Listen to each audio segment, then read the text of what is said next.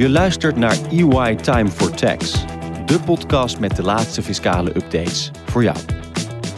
Over belastingen over winst, omzet en arbeid en belastingen in het nieuwe digitale tijdperk.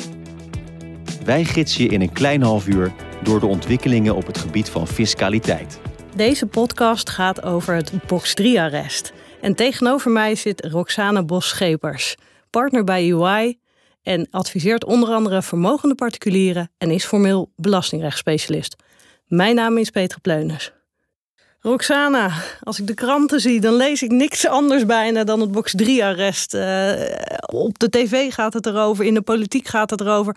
Er is een hoop aan de hand. Kan je ons wat vertellen? Om te beginnen maar eens even gewoon simpelweg, wat is box 3? Ja, Petra, er is echt een hoop over te vertellen. Ik bedoel, je kan de krant over niet openslaan en dan uh, zie je daar wel wat. En dat is eigenlijk, uh, nu heeft dat een enorme vlucht genomen, maar het speelt echt al jaren. En die staan ook wel bekend als de massaal bezwaarprocedures over box 3. En waar gaat het dan om? Nou, box 3, uh, dat is een vermogensrendementsheffing in de inkomstenbelasting. En daar zie je, uh, daar gaan ze eigenlijk ervan uit dat je een bepaald rendement behaalt. Uh, wat berekend wordt over de hoogte van je vermogen. Daarbij wordt totaal niet gekeken of je dat rendement ook daadwerkelijk behaald hebt. Nou, en dat werd door veel mensen als onrechtvaardig ervaren. En daarom zijn al die procedures gestart. En waarom er nu in één keer weer heel veel aandacht voor is in, in de media, dat komt dus door het Box 3-arrest. Uh, wat afgelopen 24 december uh, is gewezen door de Hoge Raad. En die heeft namelijk geoordeeld dat de huidige Box 3-heffing, dus dat voorverterde stelsel, dat dat uh, in de jaren 2017 en 2018 dat dat in strijd is met het Europese Verdrag voor de Rechten van de Mens. En wat houdt dat precies in? Wat het inhoudt dat het in strijd is, is uh, uh, ze hebben geoordeeld dat het in strijd is met het Europees uh, Verdrag voor de Rechten van de Mens. Op basis van ehm, dat het in strijd is met het recht van ongestoord recht op eigendom. En daarnaast heeft de Hoge Raad ook geoordeeld dat het in strijd is met het discriminatieverbod. En ik, ik weet dat de Hoge Raad wel vaker aangeeft dit is niet in de haak. Maar volgens mij is er nu nog iets heel bijzonders gebeurd. Ja, zeker. Er is nu zeker iets bijzonders gebeurd. En vandaar de vele uh, ophef hierover. Is namelijk dat de Hoge Raad is verder gegaan dan alleen deze constatering dat het dus in strijd is met het uh, Europese verdrag. Uh, maar de Hoge Raad heeft dus ook in deze zaak geoordeeld dat er rechtsherstel geboden moest worden. Oké, okay, en dat houdt in? Nou, in deze zaak hield het in dat de Hoge Raad heeft geoordeeld dat niet het voorverterde rendement uh, in de heffing betrokken moet worden, maar dat het uh, werkelijk behaald rendement in aanmerking genomen moet worden. Ja. Oké, okay, en dat is, je gaf net aan, soms hebben beleggers misschien helemaal niet zo'n hoog rendement, maar is het lager. Dus dat zou leiden tot lagere heffing. Kan het ook leiden tot hogere heffing? Op dit moment nog niet. Oké, okay, dus dat, nee. dat, dat is spannend. Maar goed, daar, daar, daar horen we nu veel van, uh, van in de politiek. Je, je gaf net aan dat er een aantal nou ja, blokken zijn, een aantal tijdstippen die, eh, die belangrijk is. Um, laten we eens kijken naar de jaren 2013 tot en met 2016. Ja, wat ik al zei, um, deze, eh, de ophef over die box 3-heffing, dat is al echt al jaren gaande. Um, zo is dus de eerste massaal bezwaarprocedure aangewezen voor het jaar 2013. En in de jaren 2013 tot en met 2016 hadden we ook een vermogensrendementsheffing, dus de box 3-heffing. Alleen daar werd toen uitgegaan van een um, rendement van 4%. Dus er werd geacht uh, bij wet dus dat je altijd over je vermogen 4% rendement zou maken. En die 4% rendement, dat, daar werd dan uh, belasting over gegeven in de inkomstenbelasting. Ja, en dan is in feite denk ik uh, dezelfde constatering. Ook dat is gewoon een geacht rendement is niet altijd het rendement wat je haalt. Dus daar moet wat terug te halen zijn. Ja, dat is dus ook de gedachte van ja, uh, uiteindelijk bleek ze in die jaren dat die 4% dat die nooit gehaald werd. Door een belegger die weinig uh, risico zou nemen. Die haalde gewoon die 4% niet. Dus daar werden ook inderdaad uh, procedures over gevoerd van goh, is het box 3 stelsel daarom niet in strijd met het Europese verdrag voor de rechten van de mens? Ook daar ging het alleen op basis van het recht op ongestoord eigendom. En daar is toen uiteindelijk ook een arrest over gewezen door de Hoge Raad. En dat ging om de jaren 2013 en 14. En daar hebben ze een ander oordeel geveld dan het uh, oordeel wat ze nu uh, afgelopen december hebben gedaan. En betekent dat dan, want als u het zo zegt, heb ik het idee dat het andere oordeel minder gunstig is voor de belastingplichtige dan het laatste oordeel van de Hoge Raad? Gaat dat laatste oordeel van de Hoge Raad dan nog effect hebben op die jaren? Nou, misschien nog heel even vertellen wat ze geoordeeld hebben, dus voor de jaren 2013 en 14, wat dus impact heeft voor de jaren tot en met 2016.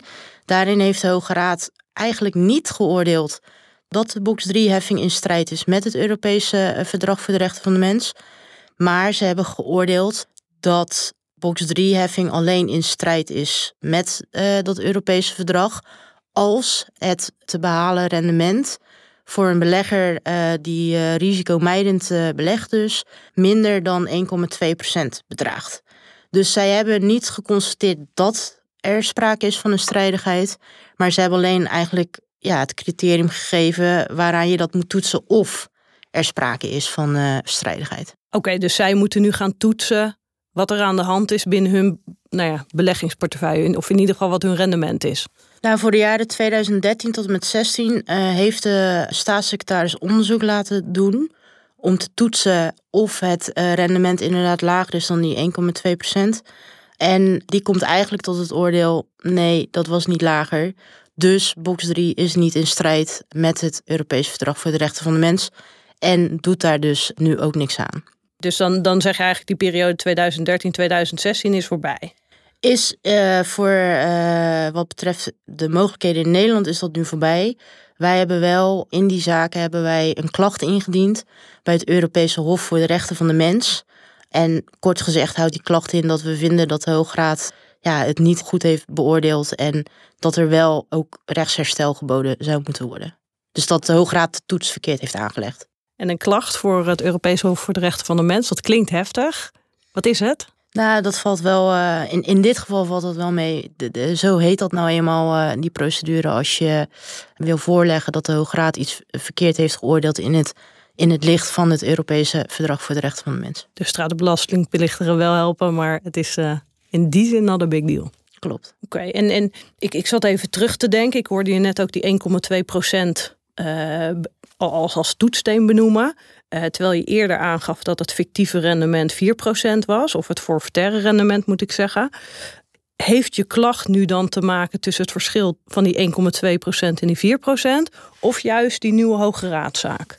Nee, de klacht was al uh, eerder ingediend dan deze nieuwe Hoge Raadzaak, dus dat, daar heeft het niks mee te maken. Maar het heeft inderdaad ermee te maken, uh, een onderdeel daarvan is inderdaad dat de Hoograad heeft geoordeeld dat als het rendement lager dan 1,2% is, dat het dan een strijdigheid is. En daarvan geven wij ook aan, nee, je moet kijken naar dat forfaitaire rendement. Want uh, misschien wel goed om te weten, die 1,2%, hoe komen we daar nu op? Dat is het forfaitaire rendement van 4%. En daar wordt een belasting overgegeven van 30%. Dus effectief is het 1,2% over je uh, vermogen wat er dan uh, gegeven wordt. Ja, dus de Hoge Raad heeft de vorige keer eigenlijk gezegd: uh, is de belasting niet hoger dan het rendement dat je haalt? Terwijl jullie zeggen: je moet kijken naar welk rendement je überhaupt haalt. Ja, klopt. Oké, okay, en dan, dan voor 2013 tot en met 2016 is het op de klacht na, als het ware, afgerond, hoor ik je zeggen. En wat nou als die klacht gegrond verklaard wordt? Nou, als die uh, klacht gegrond verklaard gaat worden, dan uh, ja, is het ook voor het jaar 2013 tot en met 2016 nog niet afgelopen. Want dan zou het best kunnen zijn dat al die belastingplichtigen toch nog recht hebben op een uh, teruggave van hun belasting. Als het uh, Europees Hof bijvoorbeeld zou oordelen dat het toch in strijd is met het Europees Verdrag voor de Rechten van de Mens, ja, dan zou dat het tot gevolg kunnen hebben. Welke belastingplichtigen hebben we dan nog meer? 17, 18, 19, 20? Of is, is dat één blok? Of? Ja, vanaf 1 januari 2017 is, heb je in box 3 nog steeds een vermogensrendementsheffing. Alleen heeft de wetgever gesleuteld aan wat het forfaitair rendement dan is. Dus het is niet langer 4%, zoals het was in de jaren 2013 tot met 16. Maar uh, nu gaat hij uit van een ja, vermogensmix en probeerde daarmee zo toch beter aan te sluiten bij wat het dan een werkelijk uh, rendement zou zijn. En, en was de basis daarin niet dat hoe meer vermogen je hebt, hoe meer rendement je haalt? Ja, klopt. Dus um, er wordt uitgaan van een vermogensmix met sparen en overige beleggingen. En op overige beleggingen zou je dan meer rendement behalen. En de fictie die daar dan ook weer bovenop zit, is dat hoe meer vermogen je hebt, hoe groter deel van je vermogen wel in beleggingen zal zitten en niet in spaargeld. En dan hebben we belastingplichtigen die onder het massale bezwaar vallen en belastingplichtigen die dat niet doen. Kunnen we eerst even inzoomen op de belastingplichtigen die onder het massale bezwaar vallen? Wat gaat ermee gebeuren? Ja, voor de belastingplichtigen die onder het massaal bezwaar vallen, dat gaat over de jaren 2017 tot en met 2020. Want voor ieder jaar is er apart een uh, massaal bezwaarprocedure gestart, waarbij het ging om dezelfde rechtsvraag. Bij 20 gold nog een extra rechtsvraag, maar daar kom je waarschijnlijk niet meer aan toe. Um, ten aanzien van die massaal bezwaarprocedures heeft de staatssecretaris vrijdag 4 februari één collectieve uitspraak gedaan. En wat houdt die in? En die collectieve uitspraak houdt in een gegrondverklaring. Dus dat betekent dat de belastingplichtigen gelijk hebben gekregen. Alleen, we weten nog niet verder hoe de staatssecretaris dit verder gaat uitwerken. Dus ze hebben gelijk gekregen dat de box 3-heffing in strijd is met het Europese Verdrag voor de Rechten van de Mens. Maar er is nu nog niet verder bepaald of ze ook daadwerkelijk uh, dan belasting terug gaan krijgen. En is dat nog een vraag of ze belasting terug gaan krijgen? Want ik zou verwachten dat er belasting terugkomt, maar dat nog de vraag is hoeveel er terugkomt. Ja, wat er nu getoetst moet gaan worden, is eigenlijk per uh, belastingplichtige zou er getoetst moeten worden wat hun werkelijk behaalde rendement is. Want als dat lager is dan het forfaitaire rendement, dan zouden ze recht hebben op een belastingteruggave. En dan blijft dat tarief van 30% blijft sowieso in stand. Dat blijft uh, sowieso. Dus stel dat je forfaitaire rent 15.000 was, dan was het 15.000 maar 30%. Dat is dan je inkomstenbelasting. Als je daadwerkelijke rendement maar 1000 is, dan zou je dus maar belasting over 1000 maal 30% uh, moeten betalen. Dus dan weten de belastingplichtigen die massaal bezwaar hebben waar ze aan toe zijn. In ieder geval als het gaat om de gegrondverklaring. Hoe gaat dat verder met de manier van rekenen? Ja, dat is een hele goede vraag. En daar is nog echt heel veel uh, discussie over gaande. Want je krijgt dan inderdaad de vraag vooral wat is dan het werkelijk behaalde rendement? De Hoge Raad heeft zich daar verder niet over uitgelaten. Dat was ook verder, eh, stond ook verder niet ter discussie.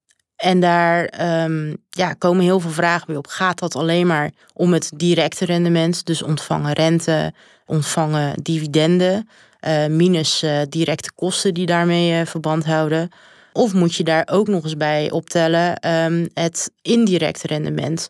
Maar dan ook weer de vraag alleen gerealiseerd indirect rendement, dus dat zijn bijvoorbeeld vermogenswinsten, of ook het ongerealiseerde indirecte rendement. En dat kan alleen maar een waardestijging zijn daar zijn nog best wel wat vragen over. Uh, inmiddels heeft staatssecretaris daar ook adviezen over uh, gevraagd bij externe. En uit hun advies volgt dat ook die indirecte rendementen gerealiseerd en ongerealiseerd, dat die meegenomen zouden moeten worden. Ja, het is nu nog een politieke keuze uh, hoe de staatssecretaris dat gaat, gaat invullen. En is het mogelijk om een schatting te geven hoe lang dat gaat duren, wanneer we meer weten? Um, ja, ze zouden binnen zes maanden. De wet schrijft namelijk voor dat binnen zes maanden uh, moet de cijfermatige uitwerking ja, volbracht zijn. Dus dat zou betekenen dat voor uiterlijk 4 augustus dat iedereen dan moet weten waar ze aan toe zijn en geld teruggekregen moet hebben. Nou, daarvan heeft de staatssecretaris al aangegeven dat de kans schat hij toch wel in dat hij dat niet gaat halen. Uh, maar wat hij ook heeft aangegeven is dat hij uiterlijk 1 april zal komen met een uh, notitie waarin nadere contouren, of eigenlijk waarin überhaupt de contouren beschreven gaan worden over hoe hij het ziet dat deze hersteloperatie gaat plaatsvinden. Oké, en als je 1 april zegt, dan denk ik ook aan mijn aangifte 2021. Wat moet ik daarmee gaan doen? Ja, je aangifte uh, eh, 2021 die moet je natuurlijk indienen voor 1 mei zoals het er nu naar uitziet, moet je die aangifte gewoon indienen volgens het aangiftebiljet. Dus dat betekent uh, dat is nog niet aangepast op dit arrest. Dus dan zal je gewoon je vermogen uh, per 1 januari, want dat moet je altijd opgeven voor je de box 3-heffing, uh, eh, die zal je daarin moeten opnemen. En, moet je dan ook meteen bezwaar maken als je denkt dat je daadwerkelijk rendement lager is? Nou, wat de staatssecretaris ook heeft aangegeven is dat hij alle aanslagen uh, met een box 3 component, dat hij die zal uh, gaan uitstellen met het opleggen. Totdat er waarschijnlijk meer duidelijk is. Dus voorlopig hoef je ja, nog even niks te doen. Alleen ik zou wel, als er dus een aanslag wordt opgelegd, toch en je hebt daar box 3 in, ja, dan zou ik daar wel bezwaar tegen maken. Nou, dan was er nog een hele groep die we, die we nog niet hadden besproken. Uh, 2017 tot en met 2020 voor de mensen die geen bezwaar hebben gemaakt. Kunnen die nog wel doen? Ja, dat is ook even ehm, op dit moment nog steeds afwachten. Want je ehm, op basis van de huidige wet, kan, ja, dan heeft het eigenlijk geen zin om te verzoeken om een, uh, wat we noemen een ambtshalve vermindering. Dus je hebt geen bezwaar gemaakt. Dus dan kan je alleen maar, zou je alleen maar een verzoek kunnen doen. En ja, dan hangt het van de inspecteur af of die het toekent of niet. Maar die inspecteurs hebben ook beleidsregels meegekregen. En die ook deels dus vastgelegd zijn in wettelijke regelingen. En die bepalen eigenlijk dat naar aanleiding van zo'n nieuwe jurisprudentie. Uh, ja, dat je dan toch geen recht hebt op die teruggaaf. Maar daar is natuurlijk uh, een hoop ophef over, uh, ook in de media.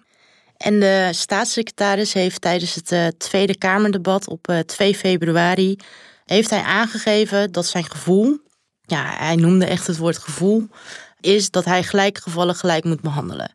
En dat betekent dus dat mensen die vermogens hebben, dat met name bestaat uit uh, spaargeld, dat die hoogstwaarschijnlijk ook wel een teruggaaf gaan krijgen en een beroep kunnen gaan doen op dit arrest. Oké, en dan probeer ik het even voor mezelf samen te vatten. Dan hebben we 2013 tot en met 2016. Daarvan is dat onderzoek geweest en houdt het eigenlijk op. Maar hopen we nog op de klacht die, eh, die jij met je collega's hebt ingediend. Als ik kijk naar 2017 tot 2020, dan hebben we de massaal bezwaarprocedure die gegrond is, maar waar we nog naar een rekenmethode toe moeten. En het gevoel van de staatssecretaris dat dat ook wel eens zou kunnen gaan gelden voor de mensen die geen bezwaar hebben gemaakt. En voor 2021 geef je aan, doe die aangifte nou zoals je dat regulier of altijd zou doen.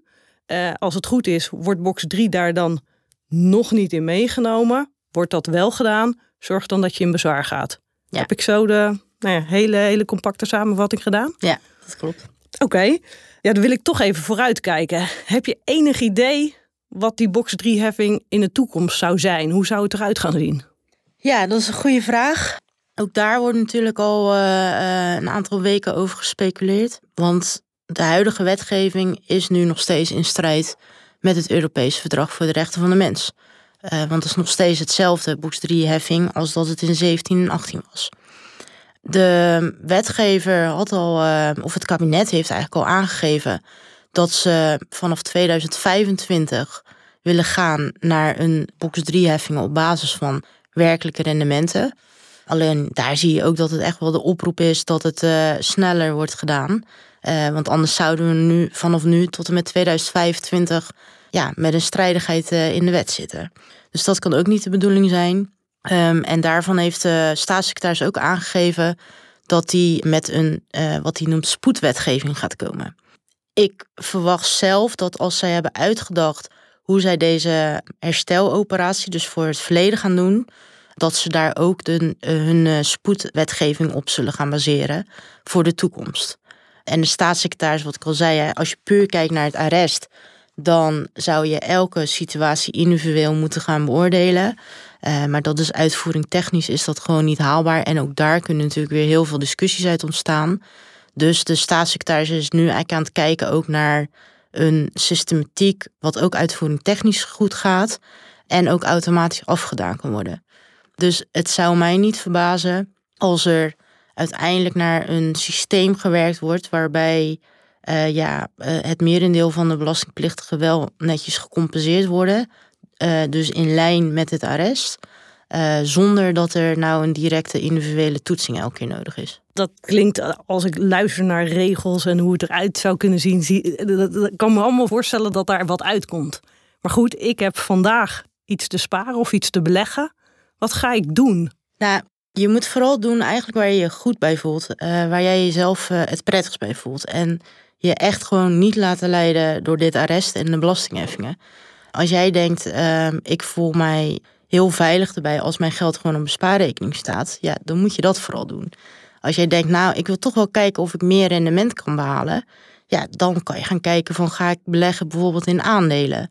En in alle gevallen ervan uitgaande dat we gaan naar een werkelijke rendementsheffing, ja, dan zal je over je rendement iets van belasting moeten betalen. Maar je houdt uiteindelijk wel uh, nog steeds uh, een netto rendement over. Dus ik moet gewoon luisteren naar mezelf en kijken wat goed voelt. Zeker. Oké, dat ga ik doen. Toch nog één checkvraag. Moet ik nou mijn rendement al in beeld brengen?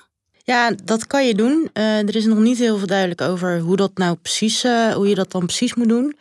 Maar wat je wel sowieso kan doen voor al die jaren is bekijken wat was mijn direct behaalde rendement. Dus dat is de rente die je ontvangen hebt, de dividenden die je ontvangen hebt. Als je bijvoorbeeld vastgoed hebt verhuurd, de huurinkomsten en daarbij direct behorende kosten. Maar als dat al zodanig hoog blijkt te zijn, dat dat al hoger is dan je forfaitair rendement, ja, dan zal je niet eh, sowieso geen teruggave gaan krijgen. Blijkt dat dat al heel laag is, ja, dan kan het de moeite waard zijn om af te wachten wat er uh, besloten gaat worden ten aanzien van die indirecte rendementen. En of je daar dan nog nader naar moet gaan kijken of niet. Ja, dus eigenlijk moet ik mezelf de vraag stellen: uh, verwacht ik dat ik door de jaren heen of in een bepaald jaar die 4% rendement gehaald heb? En als het antwoord daarop ja is, dan laat ik het maar even zitten. Maar als ik denk dat ik veel minder rendement heb gehaald dan die 4%, dan is het wel eens zinvol om eens in kaart te brengen. Nou, voor de jaren 2013, 16 gaat het inderdaad om die 4%. Voor de jaren vanaf 2017 is het iets complexer, want het hangt af van de hoogte van je rendement. Dus kijk dan gewoon naar wat er in je, uh, in je aangifte en aanslag staat als box 3 uh, voor rendement. En vergelijk dan daarmee of je werkelijke rendement hoger of lager is geweest. Ik ga in ieder geval mijn aangiftes erbij pakken. Dan kan ik checken wat mijn rendement is. Uh, even nagaan hoe dat is gegaan in mijn spaarportefeuille en mijn beleggingsportefeuille. En dan, uh, nou ja, dan heb ik in ieder geval een idee. En dan heb ik 2021 gehad. Dan nog als laatste de voorlopige aanslag 2022. Wat gaat daarmee gebeuren? Ja, de staatssecretaris heeft daarvan aangegeven ja, dat de systemen die kunnen niet anders dan nu ook nog steeds uitgaan van het uh, box 3-stelsel zoals het nu geldt, dus met forfaitaire heffingen. Inmiddels zijn er ook voorlopige aanslagen 22 opgelegd. Ja, dus daar kan je niet niks anders mee dan die aanslagen nu betalen. En de staatssecretaris heeft gezegd, als je daar recht op hebt, dan krijg je ja, die inkomstenbelasting ten aanzien van die box 3 krijg je dan weer terug. Het systeem is het systeem, maar aan het eind kan het gewoon prima goed komen. Ja. En kunnen we dan nu even, even kijken alsof er helemaal niks, niks speelt en we in, de, in het hoofd van de nieuwe staatssecretaris kunnen, kunnen kruipen. Want we weten dat hij als senator heeft gezegd, nou die box 3 heffing, dat zit nog niet zo goed uh, in elkaar. Uh, nu is hij zelf verantwoordelijk. Wat zal er allemaal door zijn hoofd spelen? Wat zullen overwegingen zijn? Waar gaat hij, waar gaat hij heen? Kan je ons een beetje meenemen? Ja, dat is een uh, hele interessante vraag. En ja, ik kan natuurlijk helaas niet in zijn hoofd kijken wat hij precies denkt. Ja, hij heeft echt wel gelijk een, een, een uitdagend dossier op zijn bord liggen. En inderdaad zit hij wel deels in de spagaat van... goh, dit heb ik gezegd allemaal als senator. En nu moet ik hier als staatssecretaris wat van vinden en, en doen. Ik heb 2 februari naar dat Tweede Kamerdebat gekeken. En daar werden natuurlijk ook die citaten aangehaald. Wat hij allemaal als senator zei. En ik moet zeggen dat ik vind dat hij daar goed mee om is gegaan. Hij is gewoon gebleven bij zijn antwoorden. Eigenlijk heeft hij niet echt direct gerefereerd naar de citaten die aangehaald waren. Maar hij bleef er maar op hameren dat hij gaat zoeken naar een oplossing die recht doet aan dit arrest. En ook, uh, wat ik al zei, vanuit zijn gevoel van rechtvaardigheid wel gaat kijken naar de gelijke gevallen, dat die ook meegenomen worden in dat arrest. Ook al lopen die niet onder het massaal bezwaar. Dus ik heb wel het gevoel dat hij uh, probeert op een rechtvaardige manier uh, naar te kijken. En weten we dan nu precies wat we moeten gaan doen? Nee, uh, absoluut niet. Nou ja, absoluut niet. Er is nu wel wat meer duidelijk, maar uh, ja, de komende tijd zal toch nog wel meer moeten gaan brengen, zodat we wel weten wat we precies moeten gaan doen. Nou, dan is het in ieder geval goed om te horen dat er meer duidelijkheid is. Maar laten we snel naar die absolute duidelijkheid gaan. Dankjewel in ieder geval voor nu, Roxana. En wil je nou ook de volgende podcast horen? Abonneer je dan op Apple Podcast of op Spotify. Mijn naam is Petra Pleunis en ik spreek u graag de volgende keer. In deze podcast geven wij onze mening over fiscale ontwikkelingen. We geven geen advies voor uw specifieke situatie. U kunt dus ook geen recht ontlenen aan hetgeen in deze podcast is besproken.